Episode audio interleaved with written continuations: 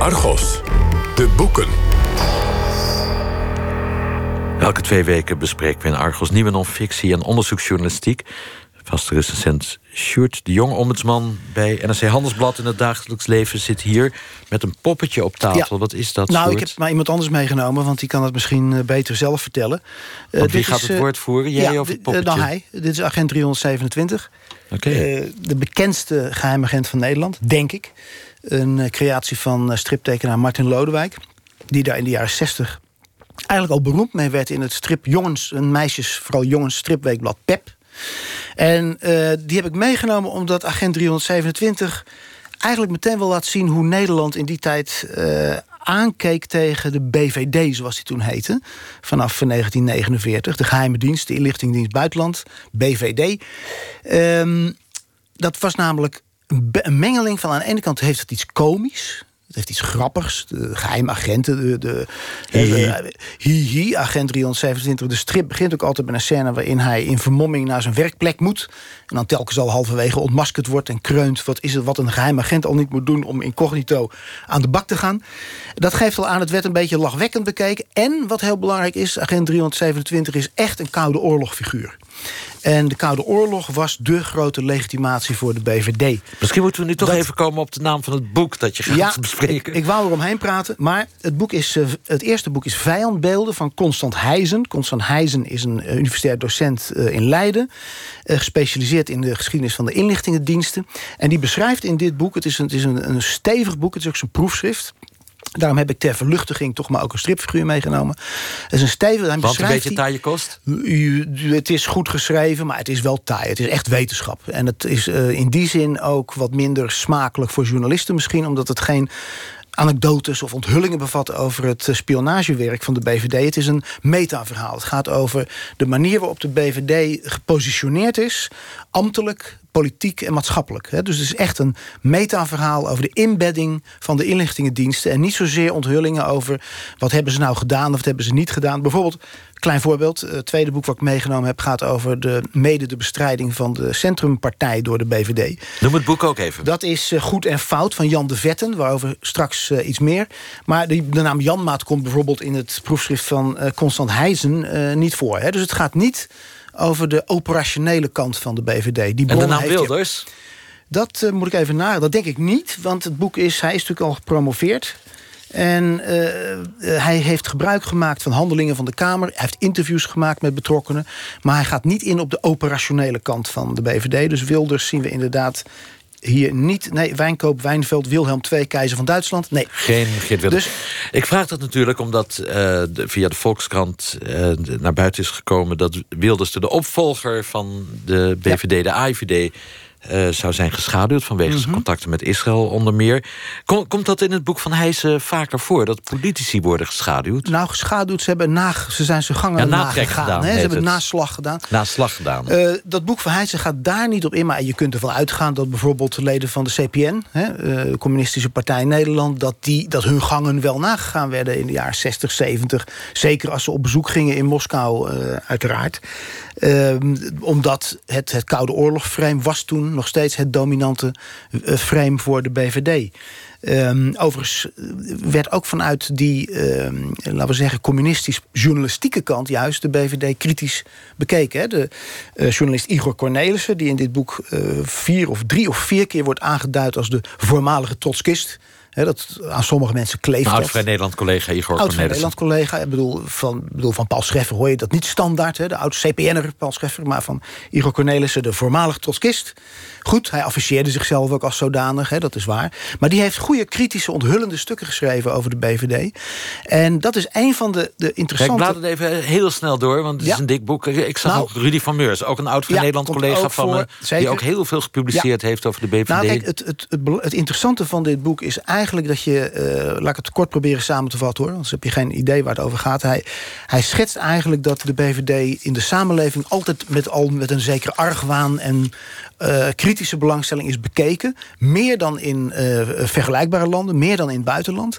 En dat de Tweede Kamer, de politiek, zich ook altijd... de commissie stiekem eerder heeft opgeworpen als een soort uh, ja, uh, fact-check voor journalistieke producties over de BVD dan echt als een soort controle op uh, de BVD. Dat vond ik een van de interessante waarnemingen in het boek. Maar hij beschrijft ook wel dat er steeds meer openheid en transparantie over zeker, de BVD is gekomen. Zeker, zeker. Maar of dat nou, dat is toch in de eerste plaats, denk ik, aan de samenleving te danken en aan de journalistiek dan met name.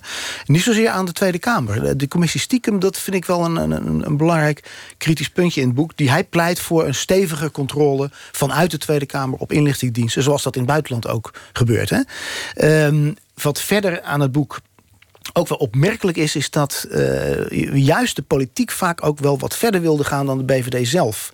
de BVD heeft zichzelf altijd beschouwd als koude oorlogsorgaan. Na Dokters van Leeuwen uh, is er een soort omslag Van Leeuwen is ooit directeur geweest. Zeker, ja, in de, uh, van jaren 80, jaren 90. 80, 90. Toen is er een soort omslag gemaakt waarin de inlichtingendienst eigenlijk zichzelf ook meer ging omvormen tot een, ja, een, aanlever, een aanleverbedrijf voor bijvoorbeeld politie. Uh, justitie, uh, uh, ministeries. Hè, in plaats van een, een heel erg gescheiden, ontoegankelijk wereldje... dat ook voor de politiek ondoorzichtig was. Heb jij een verklaring voor? de, de auteur beschrijft dat in een wereld... waarin je ook Zuid-Molux gijzelingsacties had... Ja. de rode jeugd had, rechtsextremisten ja. had... van alles en nog wat had...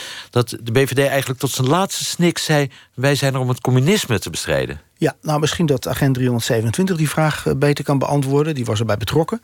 Maar ik vermoed dat dat toch, omdat dat tot en met de val van de muur... was dat gewoon het dominante frame waarin... en dat is ook, ligt natuurlijk ook voor de hand. Hè, de, de wet vanuit het, het voormalig Oostblok gespioneerd in het Westen. Ja, andersom gebeurt dat natuurlijk ook.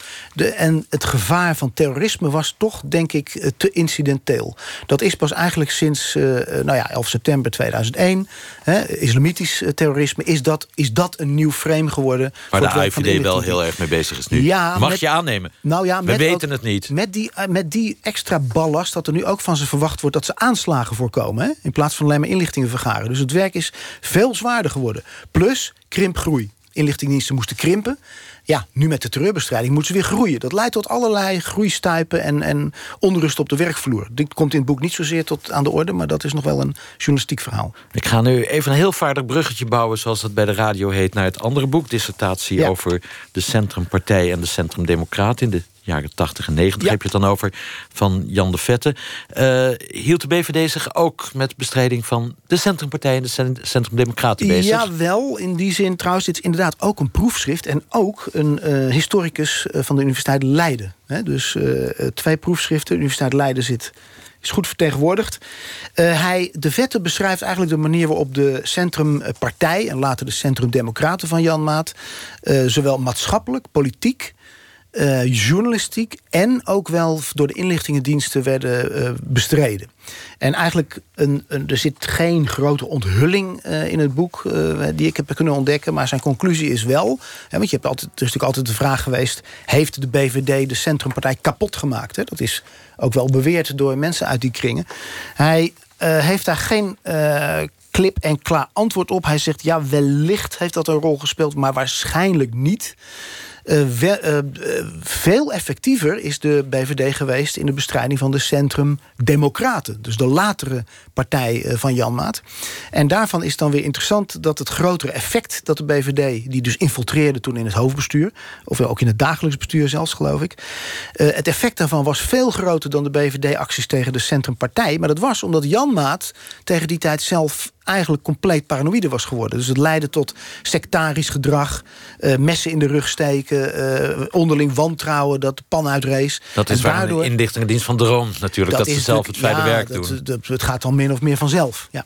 Heeft uh, Jan de Vette, de auteur, niet een beetje de pech... dat uh, vorig jaar een heel juicy, smakelijk boek van Joost Niemuller... over de verschrikkelijke Janmaat is verschenen? Want volgens mij staat daar al zo'n beetje alles in... over de Centrumpartij en de Centrumdemocraten. Het boek van de Vette is breder. Hè? Dat is de, uh, Niemuller gaat eigenlijk vooral over... Ja, maar Niemuller gaat ook over het seksleven van Hans Jan Maat. Dat, in dat opzicht is die breder, of dieper, hoe je het noemen wilt.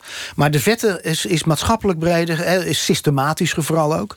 Maar er zijn parallellen. De, de Vette komt ook, net als uh, Niemuller... tot de conclusie dat Jan Maat inderdaad een loer is gedraaid... De, destijds door Elsevier. Dus Elsevier heeft een interview met hem gepubliceerd... waarvan Jan Maat zei... ja, maar die, die dingen die daar uitgeplukt worden. En die suggereren dat ik antisemitisch ben... en dat ik om die reden vind dat Heers Ballin... Kind van Joodse immigranten, zou moeten aftreden. Dat heb ik nooit zo gezegd. Nou, de vette concludeert, net als Niemuller trouwens, uh, dat klopt. Uh, hij heeft de bandjes van het interview afgeluisterd. Die zijn hem ter beschikking gesteld door uh, Arendo Joustra. En concludeert, ja, nee, Jan Maat had gelijk. De rol van de pers. Hè? In het ene boek speel, spelen de journalisten als Igor Cornelissen en mm Rudy van Meurs een behoorlijk grote rol. Kun je zeggen dat de pers ook misschien hand in hand met de geheime dienst een rol heeft gespeeld in dat oprollen van Hans Janmaat? Dat lijkt me, dat, zijn, dat zou dan misschien in communistisch jargon uh, uitgedrukt zouden het objectieve bondgenoten zijn geweest. Hè? Maar of ze ook daadwerkelijk samenwerkten, daar heb ik. Nee, dat lijkt me uh, te ver gezocht. Het is wel zo dat uh, de journalistiek natuurlijk ja, zeer uh, activistisch opstelde tegenover Janmaat. Ik heb het ook gelezen en dacht, uh, weliswaar vannacht laat... Maar, en dacht van, wat zielig eigenlijk voor Janmaat. Geert Wilders en zo nou, mogen alles zeggen tegenwoordig. Janmaat mocht niks zeggen in die tijd. Nee, maar was Janmaat ook wel een, stuk... Nou, een stuk gekker, weet ik niet... maar hij was behoorlijk gek op het laatst. En in dat Elsevier-interview... waar hij dus inderdaad wel, wel verneukt wordt door Elsevier... zegt hij ook wel dingen waarvan je denkt... ja, jongen, maar er zit hier toch wel een luchtje aan. Sjoerd Jong over vijandbeelden van Constant Heijsen... en het boek over de bestrijding van de Centrumpartij... en de Centrumdemocraten van Jan de Vette. Dank voor je komst, Sjoerd. En voor het lezen van al die dikke dissertaties. Dit was Argos. Morgenavond op NPO Radio 1. Onderzoeksjournalistiek bij Reporter Radio. De collega's buigen zich over de vraag hoe het gaat met de tienduizenden nieuwe Nederlanders... die een inburgeringsexamen moeten doen. Straks Margreet Spijkers met WNL op zaterdag... Volgende week is Argos er weer. Ik wens u een goed weekend.